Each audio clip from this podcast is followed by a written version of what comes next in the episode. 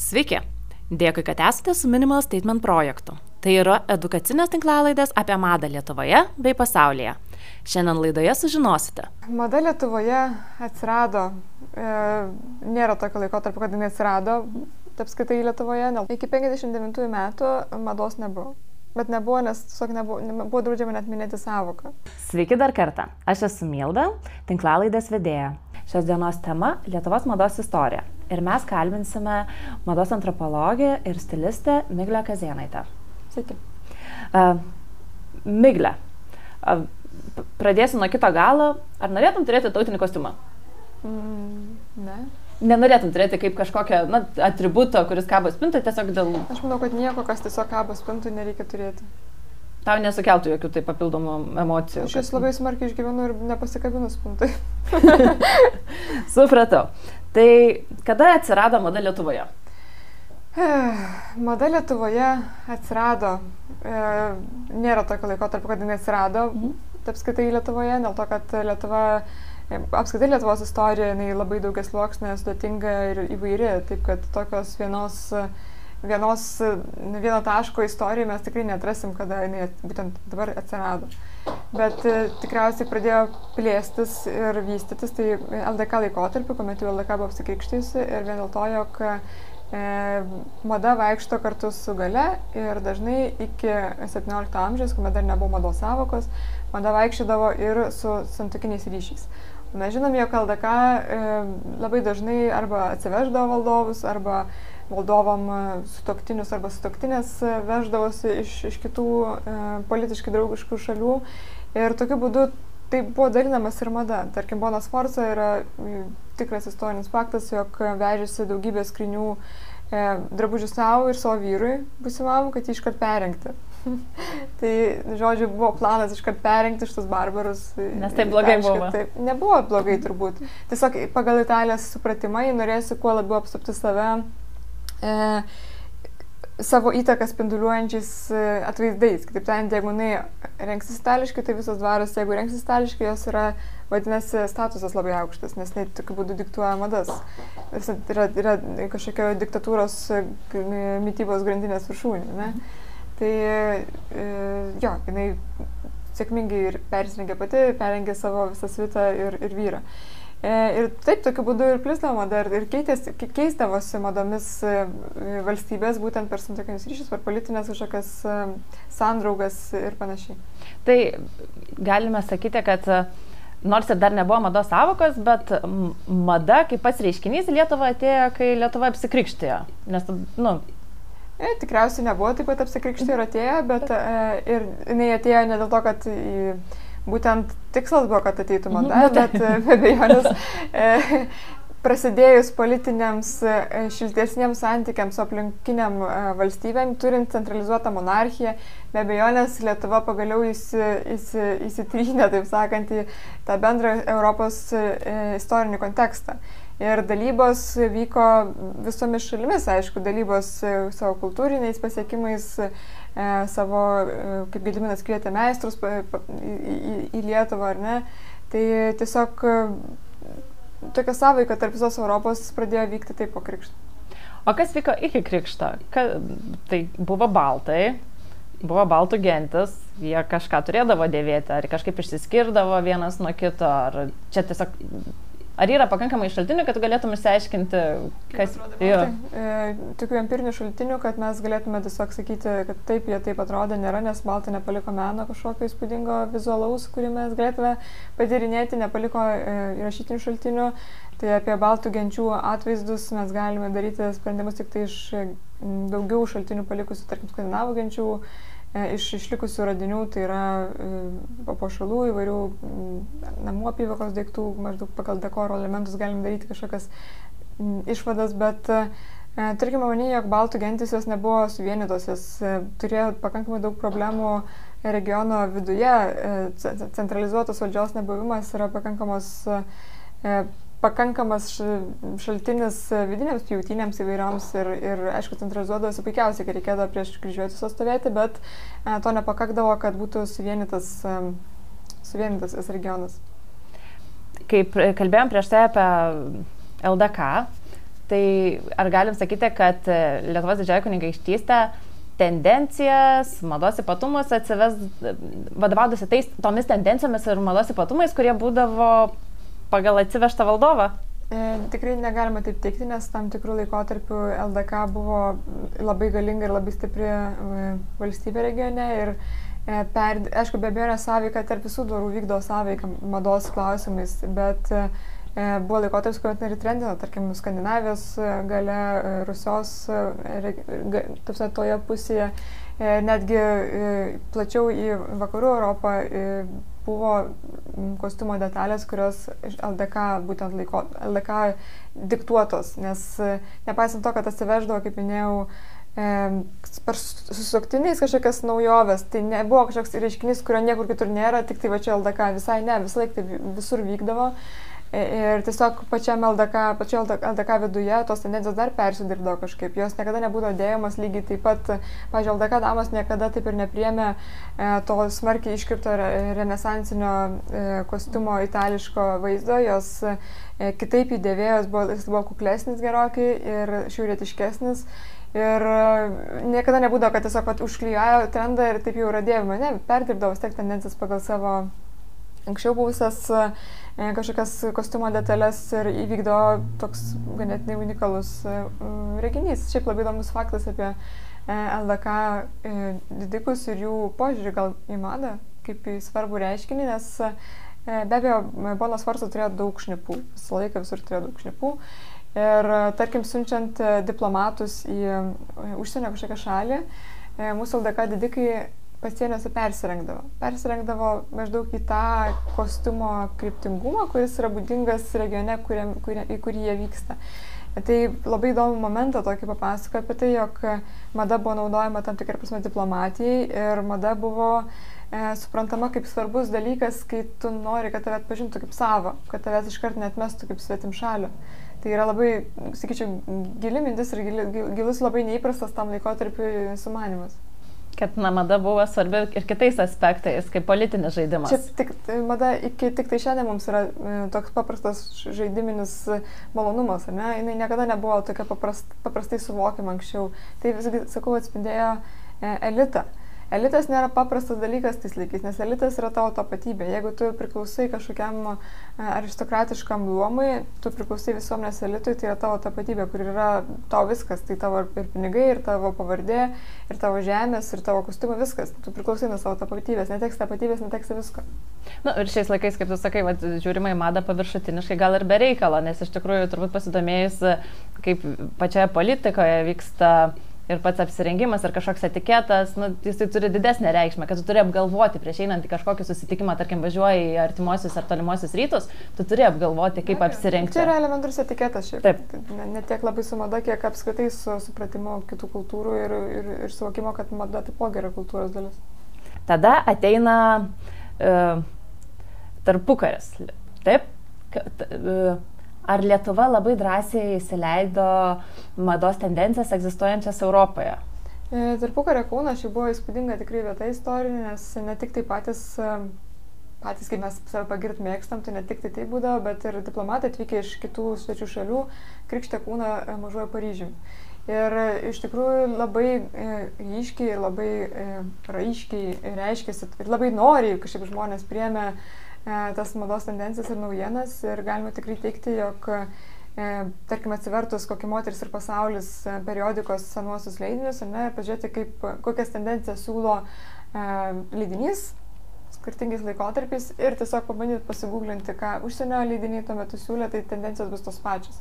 Taip, nei kiek jokio atsilikimo nebuvo matoma, tikrai viskas kojo kojo ir taip vystėsi pakankamai našus tiek ekonomiškai, tiek socialiai tinklas mados pramonės ir mados kaip meno, nes atsirado labai daug butikų, e, kur nuomodavo ir suknelės, atsirado siuvyklų, kur pirmieji tokie, sakyčiau, dizaino gal žingsniai buvo žengti Lietuvoje, būtent tose siuvyklėlėse, e, skribelių pramonė, krūtėjo žurnalai e, mados ir panašiai. Ir netgi mastą, kaip smarkiai ta mada buvo įsiliejus, jau naujos tendencijos tokie radikalus, palyginus su prieš tai, kas buvo sprendimai aprangoje, e, labai ryškiai parodo, jog madai buvo surinktas teismas.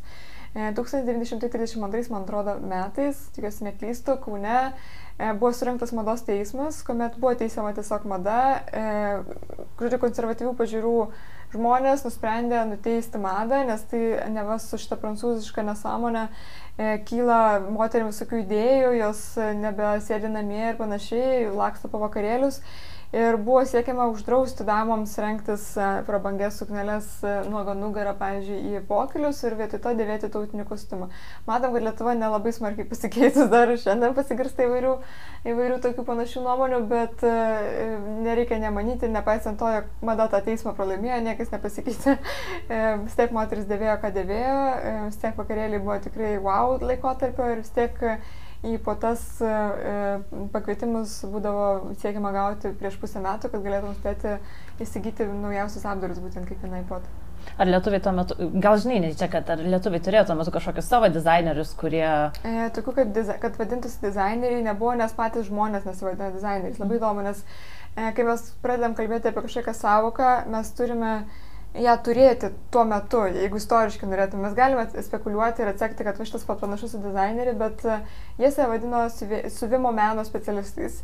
Ir viena garsiausių turbūt to siuvimo meno specialisčių laikotarpį, kuri turėjo ir savo skilti e, žurnale Moteris ir pasaulis, man atrodo, e, turėjo savo kolumną, kolumną, kur kalbėjo būtent apie moterų madą, apie tendencijas, tai buvo Elena Trejienė. Jinai turėjo savo ir, ir butiką, jinai nuomodo suknelės ir siūdavo. Ir ši moteris iš tikrųjų kiekvienais metais važiuodavo į Paryžių į parodas, prisirinkdavo naujausių idėjų, katalogų, lankstinukų ir pagal visą tai siūdavo e, suknelės jau Lietuvoje iš turimų audinių, kažkiek pritaikydavo mm, figūros tipam arba moterim, kurios užsako kažką vis tiek pakeisdavo.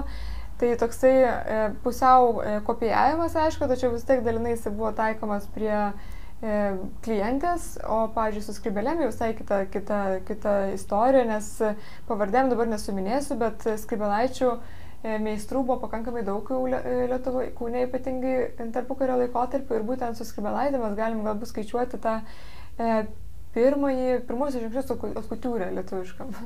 nes e, iki tol e, nieko panašaus ne, nevykdavo. Bet su skribelaitė jos jau buvo pradėtos gaminti konkrečiai konkrečiam veidui, konkrečiai moteriai, konkrečiam charakteriui, dekoro elementai, e, pluoštas, iš kurio gaminama skribelaitė, viskas tiesiog buvo pritaikoma e, konkrečiai damai, to tie daiktai buvo vienetiniai, tikrai labai e, detalaus ir subtilaus darbo. Ir galima jau ir, ir vėl inkersiausi meistrai jau netgi steigdavo savo mokyklas, kur perdodavo savo meno subtilybės e, mokiniams, kaip tas kribinaitis gaminti. Tai visai toks yra įdomus e, momentas, aišku, dėl neilgai truko, bet jeigu būtų užtrukęs ilgiau, tai mes turėtume visai įtakingą mados industriją Lietuvoje, manau. Um po tokio labai gražaus laikotarpio, kur mes tarpu karė vaikėmės madų ir buvom labai stilingi, ateina okupacinis laikotarpis, kuris yra pakankamai liūdnas, e, pilkas. Kas tada vyko? Iki 59 metų mados nebuvo. Bet nebuvo, nes tiesiog nebuvo, buvo draudžiama net minėti savoką.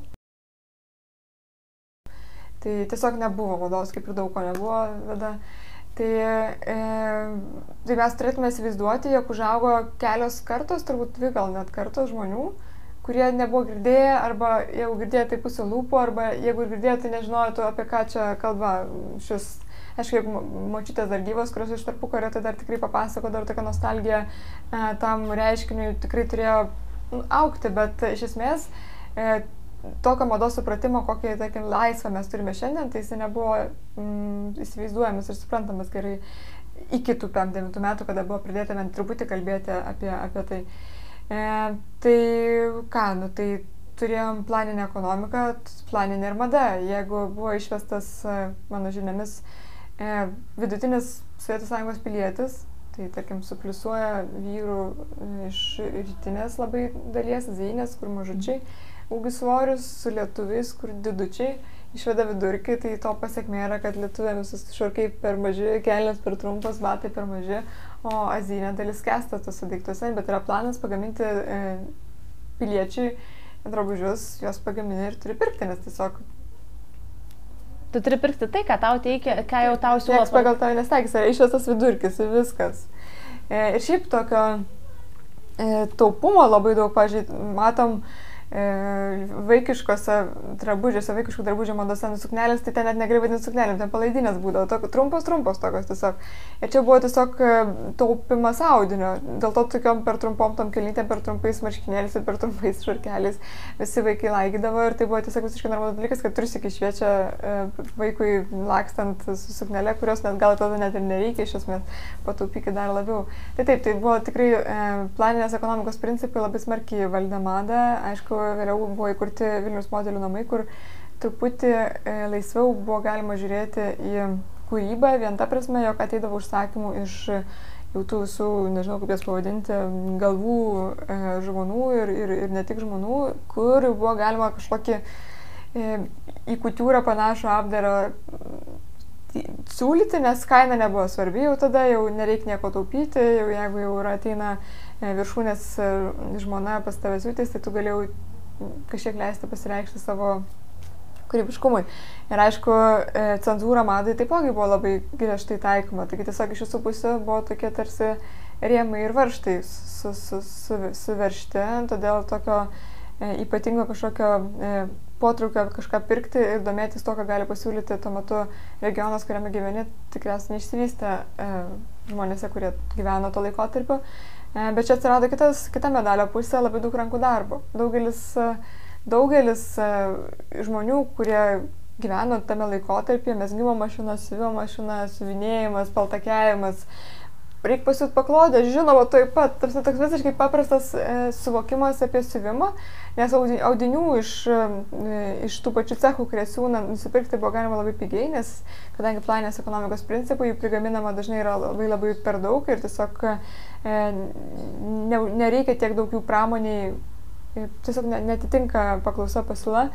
Ir daugelis jų turėdavo ir, ir sėkmingai gamindavosi daiktus patys. Kai kurie gudresni gaudavo kokių užsieninių žurnalų, gal iškarpo ar kažko, e, pagal juos stengdavosi gamintis e, gaminius, kurie kažkaip labiau atspindėtų galbūt tai, kaip norėtų žmonės atrodyti, ne kaip yra priversti atrodyti. Čia labai jokinga, nes mes turėjom kažkurio laikotarpio knygnešius, ar ne? Bet turėjom ir Sovietų sąjungos laikotarpiu tokius madonešius, kaip, pavyzdžiui, madonešiai, tai tikrai tundrimų reisų vairuotojai.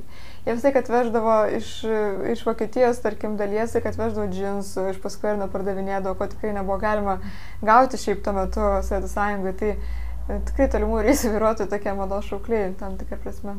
Atiminėjai Vilniaus mados namus. Taip, Vilniaus modelių namus. Modelių namus. Tai čia buvo kaip mados namai? Kad... E, na, Taip, galima taip teikti. Ten dirbo daugybė dizainerių, e, siuvėjų tuo metu, mhm. dizainerių irgi nebuvo. Ir jie konstruodavo e, gaminius, siūdavo juos, e, pavyzdinius kažkokius gamindavo, kurias paskui pramonė plačiai prigamindavo tokių pačių. Man teko dar skaityti, kad tuo laikotarpiu visi žmonės buvo mokami, kaip pasidaryti pačiam galima daugą, kaip, kaip išmokti mėgsti, kaip išmokti siūti. Ir tai pasitarnavo truputėlį vėliau, kai jau mados pradėjo truputėlį plačiau rodytis visuomenėje. Taip? Ir moteris iš to bėdnumo, kad neturėjo nieko, bet daug ką mokėjo, nes buvo labai daug patarimų, jos pradėjo pačios siūtis. Taip, tai tiesiog šito neturėjau. Čia ir ne tik tai, kai daugiau tos mados atsirado, bet tiesiog e, ir iki tol, nes nėra ką daryti, turi arba, arba vaikščiosiu ten su, su, su užpakaliu, arba tu turėsi pas pasisiūti ir pasidaryti kažką. Taip, čia buvo nu, toks įspaudimas į kampą, arba, pavyzdžiui, jeigu m, tavo vaikų kostiumas yra visiškai toks, nu, tai ką tu darysi, jeigu tu įleisi šitokį visą išauktą kažkur į viešumą, tu turi jam jį taisyti, kažkaip persiti, kažką daryti.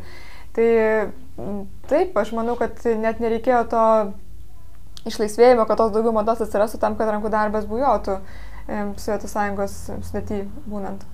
Aš skaičiu kitą įdomų faktą, kad e, moteris būdavo e, skatinamos pirkti kuo didesnės vyriškas koinės, nes labai geri siūlai būdavo ir kad tu išsiardydavai ir galėdavai pasidaryti, mėgsti, na, nusimėgsti gerus mėgstinius. Tai čia labai, na tikrai, mūsų moteris, jos labai, nu, turbūt ir ne tik moteris, ir vyrai, bet jie būdavo labai labai nagingi, kad stengdavosi, jie kuo puikiausiai bandydavo perteikti madas to, to metinės, kurios buvo uždraustos, apie kurias jie nežinojo Bet... Šiaip, dar truputėlį pertrauksiu, šiaip labai smagi mintis apie tos kainas, aš nebuvau girdėjusi. E, bet e, apie mados tendencijos jos visai buvo e, vizualizuotos gražiai žurnale, pažiūrėjau, moteris, ne? Mhm. Tarybinė moteris tada buvo. Ir ten tikrai būdavo irgi draugės su Vilnius modelių namais, būdavo skiltis rengiama, kuomet e, ten e, dedamas yra fotografija, tarkim, kažkokio modelio e, drabužio, šalia surašoma, kokie audiniai, kad žmogus galėtų nusipirkti, kaip paskui iškarpa yra, kad žmogus galėtų nusipirkti tą audinį iš to paties fabriko, kur vienintelio, nes būtent tiksliai pažymėtas audinys, jis tikrai žino, ką turi. Labai šiaip keista ir dabar nesuvokiama, kad e, visi žinojo, ko yra nes yra labai nedaug ko. Nes žurnalas leisdamas kažkokią straipsnį, jis tiksliai žino, kad va, turim du audinius ir žmogus nesuklys, nes gali imti arba tep, arba tep ir nieko, niekur tu nesusipainės, tai sužymėti negi spalvom ir tu tiesiog nu, nuėjęs į kažkokią audinių ten tą fabriką, tu pasakysi va šitą, tu atnešu šitą, nes daug nėra iš ko rinktis. Tai taip, e, ir dažnai būdavo netgi irgi spaudimas, e, tarkim, e, spausdinant tos e, nuotraukas ir iškarpas, e, rasti m, pritaikymą tokiem audiniam, kurių niekur nepanaudosi. Taip, pagaminti gaminį iš kažkokio, pavyzdžiui, pamušalinio šilko, kuris iš tikrųjų traukiasi, nu, jis tikrai ir prastai atrodo, tam, kad jį paskui išpirktų ir siūtų namuose žmonės iš to, iš to audinio. Tai taip, tai toks irgi planės ekonomikos viena iš, iš, iš veido pusių ir e, sėkmingai jinai veikia. Tai taip, madų vizualiai galėjo pasižiūrėti nuo 9 metų žurnalas atsirasdavo jos ir šiaip pavarčius, tarkim, tą pačią tarybinę moterį, tai visai gražios ten tos nuotraukos, visai faini siluetai ir tikrai ne, ne, ne, ne tokie baisus, kaip mes galėtume galbūt įsivaizduoti, kaip turėtume atrodyti viskas kaip Mordoras iš Žydų valdovo, bet e, tikrai yra gražių darbų lietuvių siuvėjų, tų metinių dabar, sakytume, dizainerių, kur tikrai galime paganyti akis. Aš, bet tas pats mados aktualumas. Aš suprantu, kad būdavo tie žurnalai atvežtiniai iš vakarų Europos, bet... Buvo, bet, bet slaptai. Jie, jie slaptai buvo, bet tie oficialų žurnalai, kaip sakai, tarybinė moteris, dar skaičiu, kad buvo žurnalas Banga. Ar ten pateikiama mada, jinai būdavo aktuali, tai kas tuo metu bu, vyraudavo. Mm, aktuali turbūt būdavo kažkokiam elitui. Jo, jo, bet ne aktuali, tarsi, kad jinai nevėluodavo. Nu, tarkim, nežinau. Ai. Mm. Aišku, vėluodavo. Jeigu mes džinsų neturėjom, tai kaip mes galim kalbėti apie nevėlavimą. Taip, net kai kurių audinių nebuvo įmanoma pagaminti e, Sovietų sąjungoje. Tai Be abejo, jinai vėluodavo, bet siluetų prasme aš tai nesmarkiai turiu, kad tie vargšai dizaineriai, sėdėdami Vilnius modelio namus, tikrai slapta žiūrėdavo tas e, uždraustus, e, uždraustus žurnalus ir, ir stebėdavo, e, kažkur gal gaudavo, nežinau, nes kai kurie siluetai tikrai yra pakankamai atspindintis laikotarpį net ir pasauliniam uh, lygmenį. Tiesiog kai kurie dalykai buvo absoliutus tabu, tas pats džinsas, čia Amerika. Negalima. Mes negalim periminėti Amerikos Nieko. madų. Ne, nes čia tai džinsai, tai tik Amerika. Tai tiesiog jeigu tik Amerika, tai jokių būdų nebus čia džinso. Tai... Taip. Tai mūsų močiutės, mamos, jos buvo labai nagingos. Jos mokėjo pasidaryti bet ką iš, iš, nieko, iš nieko. Ir tada ateina nepriklausomybės atkūrimo laikotarpis. Ir įvyksta paradoksas, kad žmonės, kurie moka viską patys pasidaryti, jie nebenori nieko patys daryti. Jie nori viską pirkti. Nes jiems tiesiog atsibodo viską gamintis, jie nori gauti tos pačius džinsus, kai žmonės veždavo fūrom, atsiprašau, kaip čia vadinasi, vienu žodžiu, kai žmonės vež, sunkvežimiais veždavo džinsus žmonėms, kad jie galėtų juos nusipirkti. Aišku, kai kurie prisitaikydavo pagal save, nes turbūt ir dydžio trūko atitinkamų. Dydis nesvarbu, gali apsimot keturias kelnes papuošę ir vis tiek džinsai yra džinsai. Ar tas galėjimas pačiam viską pasidaryti ir nulėmė tai, kad atkurio, kai prasidėjo nepriklausomybės atkūrimo laikotarpis, žmonės norėjo viską pirkti. Jie nebenorėjo nieko daryti? Tai daryti be abejonės nenorėjo, tai ir tas pirkimas pirkimų nelygų, jie norėjo pirkti ne šiaip pirkti, jie norėjo pirkti importinį daiktą. Čia tame turbūt klausimas buvo, mm -hmm. ne, kad e, jie nenorėjo pirkti Lietuvoje gamintų daiktą, jie norėjo užsieninį, užsieninis galėjo būti ir lenkiškas, ir turkiškas, ir, ir kokį tik tai nori. Ir taip, tai trendino tuo metu daug labiau negu bet kas kitas Lietuvos teritorijai. O tai kaip tuo, ar tuo metu jau egzistavo dizaineriai Lietuvoje? Kaip, koks jų likimas buvo, jeigu jie egzistavo, nes tada reiškia, jeigu tu kuri taip, kažką... Tai moterų namai dar tebeliko. Dar buvo, ne? Taip, taip, jie neuždarė iš karto, jie uždarė tik tik 98 gal, 9 ten. Mhm. Labai ne, ne, ne, ne taip ir žiauriai seniai. Taip pat tais Vilnius modelių namais ir slėpdavosi, kaž, aš nežinau to, to meto dizainerių pavardžių, bet vat, jeigu būdavo siuvėjai, tai vat, jeigu jie būdavo kažkoks nors žinomesnis siuvėjas, tai eidavo į tuos Vilnius modelio namus, tada taip gaunasi. E, tiesiog nereikia žinomumo per daug, reikėdavo tiesiog tikriausiai kaip ir visur, kaip ir dabar gebėjimų.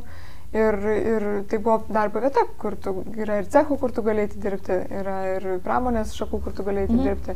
Tiesiog tokio, kadangi nepriklausomai neseniai įvykusi, tai tokio kaip dizainerio, kaip brendo kažkokio suvokimo mhm. nelabai egzistavo. Tai pažiūrėkime pirmasis kolekcijas mūsų šiandieninių, tarkim, jau labai suaugusių profesinė prasme dizainerių. Tai irgi ten šiukšlinėlis toks atrodytų, nes nebuvo, nebuvo aišku, kaip daryti iš viso, kaip kaip tai vyksta, jeigu tu pats ant savęs ir savo vardu, o Dieve mano. Taip, ne, tai iš savęs brandą daryti čia užtruko, kol, kol žmonės išmoko. Supratau. Tai ačiū Miglė už pokalbį. Ir jeigu jums buvo įdomu, tai žiūrėkite sekančią laidą ir iki susitikimo.